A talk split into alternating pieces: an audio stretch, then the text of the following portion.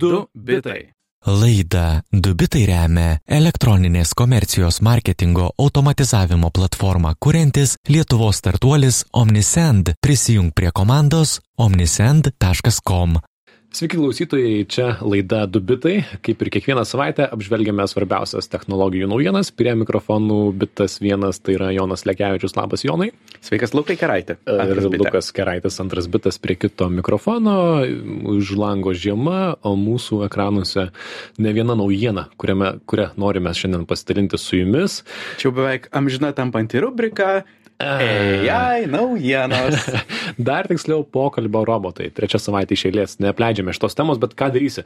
Man atrodo, mes išbandėme pirmieji, o dabar jau panašu, matau, kad ir, ir, ir mirtingieji žmonės išbando uh, Bing pokalbio robotą, brūkšnys paieškos sistemą ir čia GPT jau visi įprato naudoti.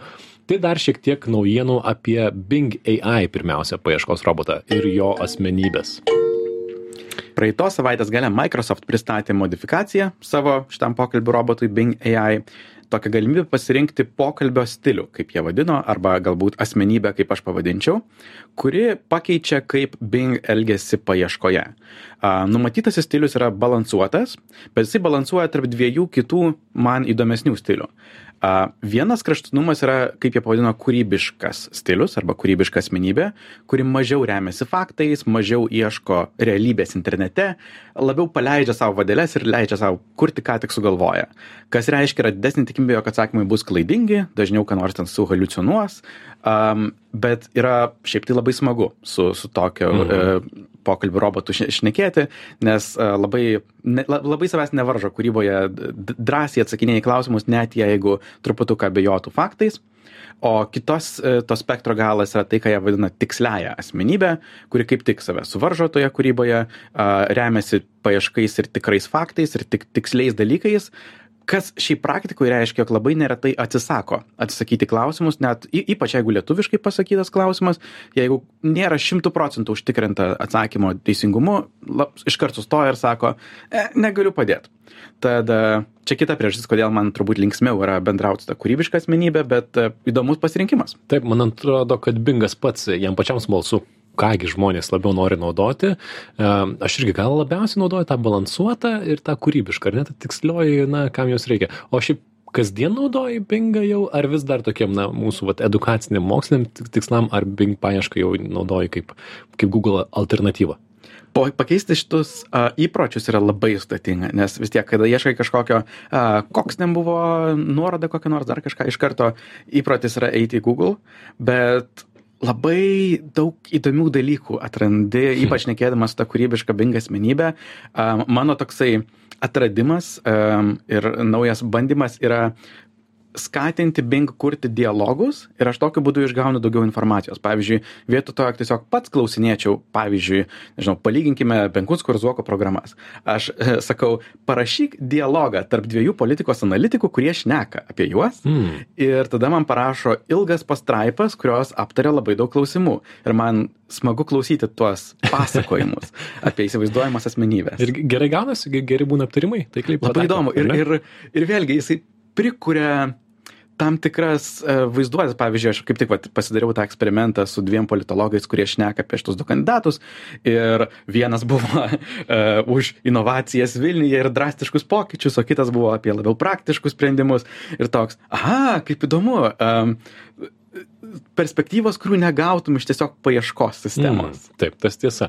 Aš, aš taip pat, tiesą pasakius, gana greitai įpratau jau ir gal netgi gana dažnai atsidarau Bing paieškos sistemų vietoj Google, įvairiausių klausimų ten ieškau ir mano toks yra pastebėjimas, kadangi šią akimirką mėgstu klausti ir chat GPT to paties klausimo ir Bing. Dažnu atveju tai šiek tiek perdėtai, bet palyginčiau Bing paieškos sistemą su tokiu trečiakursiu psichologu, kuris man, mano nuomonė, per dažnai bando klausti, o ką tu manai? Nes jau užduodė jam klausimą ir jisai, o ką tu manai, o kaip tu jautiesi, o kas tave domina, vietoj to, kad pateiktų atsakymą. Mhm. Um, nors tuo pačiu jisai naudingesnis tokiam, kai nežinai, ko tiksliai ieškai, kadangi pats pasiūlo klausimų ir atsakymų, tai jeigu esi tik tai idėjų paieškoje, tai labai naudinga. Tuo, pač, tuo pačiu čia GPT, jau mums seniau žinomas pokalbio robotas, jisai toks labiau zen budistas. Jisai kaip paklausi, taip ir gausi. Jeigu Mhm. kvailai paklausi, gan kvailai ir ga, gausi.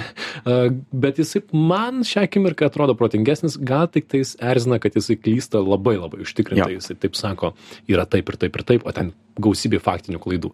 Tai Tas- tas visai erzina. Tas polinkis Bing klausti, o ką tu galvoji? E, manau, labai greit susirėmė su tą sieną, kur vis dar Microsoft yra padidinęs tą klausimų limitą nuo 6 iki 8 dabar, bet aš nenoriu išvaistyti savo 8 klausimų limito, Taip. Atsakinėdamas Bing, ką aš galvoju, aš noriu, jog visi 8 klausimai būtų man. Mhm. Ir turbūt praktiškiausias keistas klausimas, kurį iš savaitės eigoje uždaviau pokalbių robotams, buvo, kokioje profesijoje, kuo geriau dirbant, dirbi darbą, tuo mažiau to darbo lieka. Man atrodo labai geras ir logiškas klausimas ir pats bandžiau sugalvoti, tai nei vienas iš pokalbių robotų nesugebėjo suprasti, ko aš norėjau, tai nusivyliau, a, bet šiaip dar Ar galiu čia kažkokia mislė, nes aš šitą perskaičiau ir bandžiau suprasti. Ne, na pavyzdžiui, jeigu gerai taisai kelius, taip kad jie negenda, tai tau lieka mažiau darbo, nes keliai yra sutaisyti. Aišku, galbūt aš ir negerai paklausiau, bet, na, va štai bent jau buvo idėja, kad to galiu paklausti ne Google, o pokalbių roboto, e, bet e, vėlgi, dabar čia reikia lingvistiniais e, momentais užsimti, kadangi reikia labai tiksliai paklausti. Dar noriu parekomenduoti, kas naudojat čia GPT pokalbių robotą, mes vis rekomenduojam kokius papildomus įrank- įrankius, tai yra Chrome naršyklės plėtinys pavadinimu E- APRM, įdėsime dubitai.com, e, ten šaltinių nuorodas dedame, tai yra vadinamasis prompt generatorius, tų e, įvadinių, įvedinių tekstų generatorius ir taip pat galima išsisaugoti savo, savo sugalvotus promptus, tai yra tos uh, tekstus, kuriuos duodi pokalbio robotai. Ir jeigu nueini tą paplitinį, ten matai temas, uh, rinkodara, produktivumas, SEO paieška, rink, oi, viskas, dizainas, žaidimų kūrimas ir gali, pavyzdžiui, iš karto spausti vienu mygtuku ir jisai sukuria knygą, pavyzdžiui, sukurti knygą vienu, pagal vieną temą arba sujung, sukurti YouTube video mm, scenarijų. Gali pasirinkti kalb, kalbą, Wow. kurią nori gauti rezultatą, gali pasirinkti toną, kurio nori gauti, formalus, draugiškas, ironiškas, gali rašymo stilių pasirinkti, kritiškas, argumentatyvus, analitiškas ir, pavyzdžiui, tai reikia rašyti uh, YouTube video apie naujausių iPhone apžvalgas ir jisai parašo viską norimais stiliais, norimais tonais. Geras, čia kai mes esame išnekėję, kaip šitie promptai pavirsta burtažodžiais, tai čia tokia burtažodžių knyga. Tai va, kažkas tikrai atras, man atrodo, naudos iš to, tokios įran- įrankio. Ir dar vienas įdomus pastebėjimas apie pokalbio robotus man buvo, kad e, Bing pokalbio robotas pasirodo pradžioj galvojau, čia toksai, na, kaip ir, kaip ir melas, kaip ir gandas, bet e, panašu, kad planuoja e, implementuoti reklamas savo paieškoje. Nutengintas buvo Reut- Reuters vienas sustikimas Bing ir Microsoft komandos su didelė reklamos agentūra, kurie pristatinėjo idėją, kaip būtų galima įtraukti reklamas į pokalbių robotą, kas, a, šiaip gaila, gaila, kad tai matysime tikriausiai anksčiau ir vėliau. Taip, ir taip pat yra labai įdomu, kaip tai pakeis tą, ką mes vis tiek laikome kažkokiu intelektu. Reklamos tiesiog veikia mintis formuojamas, tam tikros mintis yra labiau skatinamos. Mhm. Tad labai savotiškas požiūris tada į intelektą. Taip, nes Google paieškoje įpratome, kad tie pirmi trys rezultatai dažniausiai yra tie na, e, paremti rezultatai, jie kitų tekstų pažymėti ir tu žinai, kad tai yra reklama. Kartais jinai gali būti naudinga, bet kai tau atsakinėja pokalbio robotas, atsirinkti, kur prasideda reklama ir kur baigėsi, yra Mhm. gerokai sudėtingiau. Bet matomai, kai kurie sako, kad jau dabar mato tą reklamą, tai sunku suprasti, bet em, Hmm. Tai matyt sulauksime to. O tokia viena konkretesnė naujiena, tai yra vadinamas ChatGPT API. API. Praėjusią savaitę minėjome, kad ChatGPT pristatė savo API, tai yra programuotėms skirta sąsaja, kuri leidžia kurti naujus produktus ChatGPT pokalbio roboto pagrindu ir kas iš to papasakos Jonas. A, kol iki šiol žmonės kurdavo naujas programėlės a, tokiais neoficialiais kanalais, bet tai yra oficialus OpenAI išleistas kanalas, kuriuos skatina ir a, taip pat susirenka pinigus, jeigu kuri a, savo dirbtinį intelektą jų pagrindu. Ir mūsų praeitą šne, savaitę apšnekėtas Snapchat MyAI pasirodė yra sukurtas šiuo ChatGPT pagrindu. Um, jie tiesiog pasinaudojo to, tuo kaip baze ir integravo tai į savo programėlę. Kitus pavyzdžius, kurie yra įdomus, kurie pateikia pats OpenAI, yra naudojimasis mokymėsi, kur čia GPT patampa tokiu virtualiu korepetitoriumi, kuris sukuria klausimus iš medžiagos, kurią mokaisi ir pokalbių gali save testuoti. Manau, labai įdomu. A, Kitas a, pasiūlymas yra naudoti tą kaip paieškos papildymą, jog tau pasiūlo įdomus klausimus, ką gali apie tam tikrą temą iškelti. Ir slack kompanija kuri priklauso salesforce pristatė savo idėjas kaip jie integruos chatgpt api a pirmiausia man įdomiausias dalykas pasirodė pokalbių santraukos nes labai labai dažnas scenarijus yra jog prisijungi į kažkokį darbo pokalbį praėjus pusdieniui supranti jog vau čia aštuoni puslapiai skaitymo ką Mhm. kolegos jau aptarė gal e, gal nesigilinsiu. O štai chatgpt galėtų į du sakinius sutraukti tai ką kolegos šnekėjo na taip pat chatgpt galės eiti į įmonės šaltinius duomenis ištraukti reikiamą informaciją ir padėti rašyti žinutes. Labai įdomu. A, chatgpt tai gali pristatyti todėl jog giriasi jog prisukūrė modelio paturbinimą net taip ir vadino turbo modelį kuris yra apie dešimt kartų pigesnis tad tinkamas naudoti plačiau. Yra dar dvi idėjos manau kurios yra labai įdomios. Tai viena chatgpt api turi tai ką jie vadinama fine tuninimu tai yra galimybė ant viršaus patreniruoti modelį savo dokumentais. Pavyzdžiui įmonės vidiniais dokumentais ir tuomet galima sakyt modelis įgauna informacijos kurios šiaip nebūtų plačiame internete žino vidinius reikalus ir gali atsakyti klausimus. Tai yra labai įdomu. Am, Čia na, iš esmės, man atrodo, yra tas, kas man iš to momentas, kai ko, ko dažnai klausia klausy- klausytojai arba žmonės, kai supažįsta su nauja technologija, jo, faina, kieta, o kas man iš to? Tai čia yra tas, kas iš to momentas, kai dabar visi galės daug paprasčiau kurti savo programėlės, savo paslaugas, gana pigiai paprastai naudodami tą čia GPT modelį, ar ne? Ir jie taip pat pristatė dar vieną programavimo šitą sąsąją API savo Whisper modeliui, kuris skirtas konvertuoti garsą į tekstą. Ir jau dabar girdžiu iš pažįstamų programuotojų, jog jie kūrė sistemas, kurios ieškos teksto tinklalaidėse, podcastuose. Tai yra, jeigu norėsite paieškoti, kurioje čia laidoje Lukas su Jonu šnekėjo apie kažką, aš manau, jau gana greitai bus galima tiesiog įvesti paiešką ir surasti, kada ir kur šnekėjome. Mhm, Garse, ieškoti Garse. garse. su tekstu, kas būtų visai įdomu, ar ne? Šiaip e, šitoje temoje reikėtų paminėti tikriausiai ir, ir kitą mūsų, mūsų naujieną apie multimodalinius modelius. Prieš tai žinių radio klausytėjom trumpai priminsiu, kad girdite laidą pavadinimu Dubitai. E, Bandome paimti ne tik pokalbių roboto temas, bet sunkiai tai sekasi. Tai dar, dar viena naujiena apie Kosmos vienas ir multimodalinius modelius. Tai pasiedukuokime, kas dar naujo šitų dirbtinio intelektų modelių pasaulyje. Mhm. Praeitą savaitę Microsoft tyrėjai, vėlgi jie labai daug dalykų išleidžia pastaruoju metu, pristatė Cosmos 1 savo multimodalinį kalbos modelį. Multimodalinis yra todėl, jog jisai dirba su skirtinga medija, konkrečiai tekstu ir paveikslėliais kartu.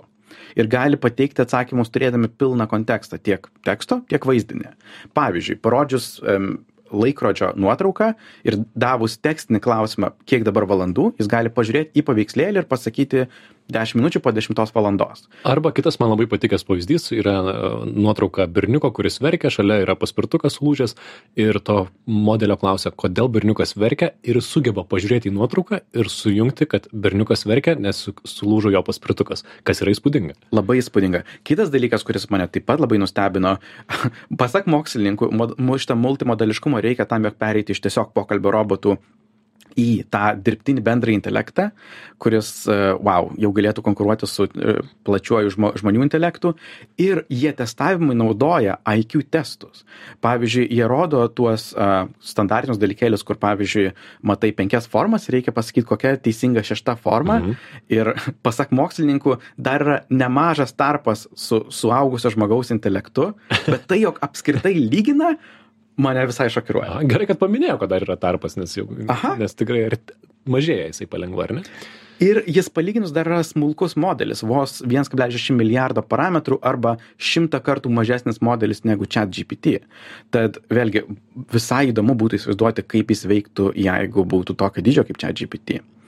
O bendrai multimodaliniai modeliai nėra naujiena. E, Pernai Google per savo IO konferenciją pristatė MAM Multitask Unified modelį, kuris veikia taip pat. Jų pavyzdys buvo, pavyzdžiui, nuotraukoje gali parodyti batus ir paklausti, ar šitie batai yra tinkami lipti į Mount Fuji.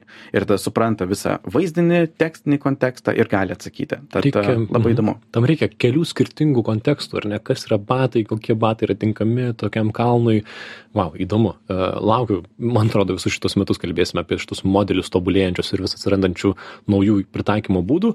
O kita naujiena galvojau, pagaliau naisime nuo šitos e, pokalbių robotų temos, bet ne visai, ar ne? Ne visai. Tai yra apgaulės panaudojant balsą. Ir The Washington Post e, dalinasi tokia istorija. Man atrodo, visi žinote tas apgaulės, jos vadinasi imposter scams, tai yra, kai kažkas paskambina, apsimeta kažko, ko nėra, ar tai policininku, ar advokatu ir bando išvilioti pinigus ir tai vis dar Lietuvoje taip pat vyksta ir iš ypatingai vyresnio amžiaus žmonių yra pinigai išviliojami. Tai Junktinių valstijų federalinė prekybos komisija perspėja, kad tokių apgaulių vis dar nemažai.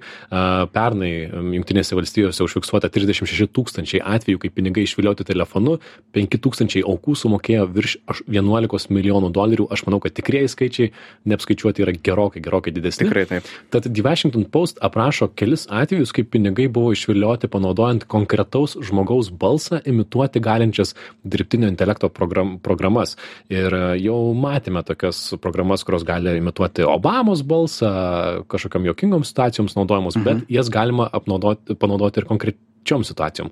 Pavyzdžiui, vienai 73 ir 75 metų kanadiečių porai paskambino jų sunus kabutėse, neva pateko į kalėjimą ir staigiai reikia pinigų išpirkai ir ta pensininkų pora greitai sukrapštė kiek daugiau nei 2000 dolerių, ėjo į kitą banką išsimti dar daugiau pinigų, bet čia banko vadybininkas pats vidai į šalį ir sako, žinokit, jūs jau ne pirmie čia ateinat ir gal sustokite ir pergalvokite, ką, ką darote, ar ne? Mhm. E, tai jam pavyko išsisukti nuo to išmokėjimo.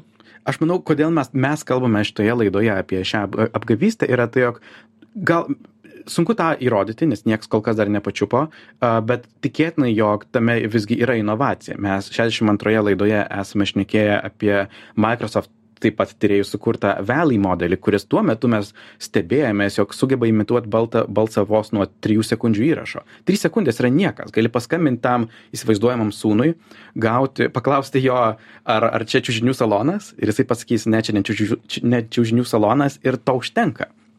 Ir tuomet jau gali skambinti tuose, nežinau, tėvams ir turi žmogaus balsą.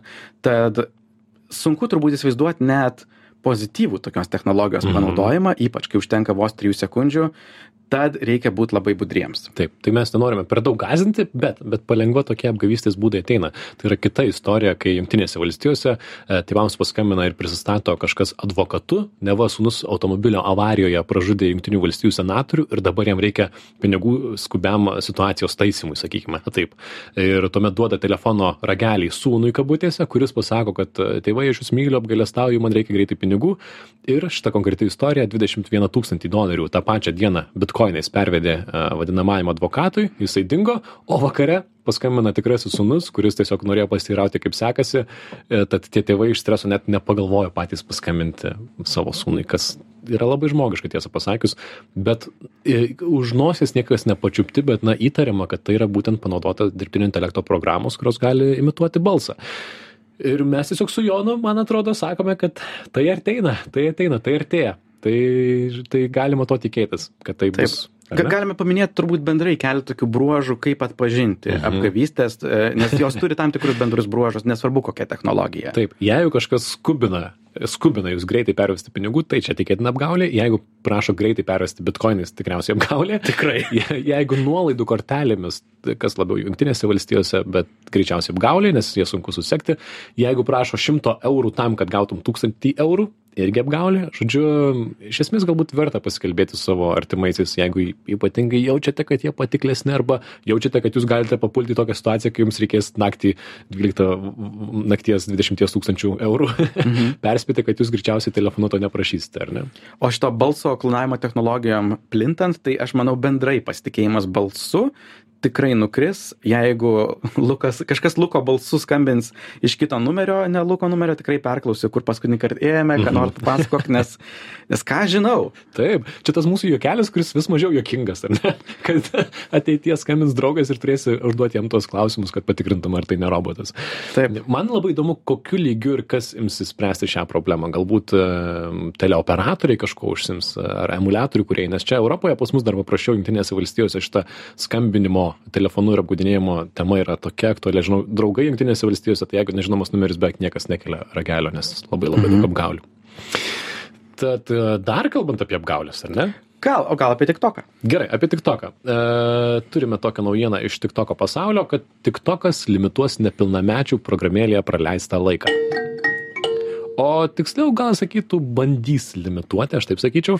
Žodžiu, tik tokas paskelbė, kad valanda laiko po tiek naudojimo per dieną nepilnamečiai turės iš naujo įvesti savo slaptažodį ir naudojimo laikas prasitęs uh, dar kuriam laikui. Uh, jaunesniems negu 13 metų tik toko naudotojams uh, slaptažodį turės įvesti tėvai. Tuomet naudojimas prasitęs dar pusvalandžiui. Tikriausiai tik tiek maksimaliai. Mhm. Labai negriežtos priemonės, bet to labai lengva pasikeisti amžių nustatymus ir visą tai apeiti. Labai lengva. Bet bent jau šioks toks žingsnis suteikiant naudotojams ir tėvams daugiau galių kontroliuoti savo prie ekranų praleidžiamą laiką.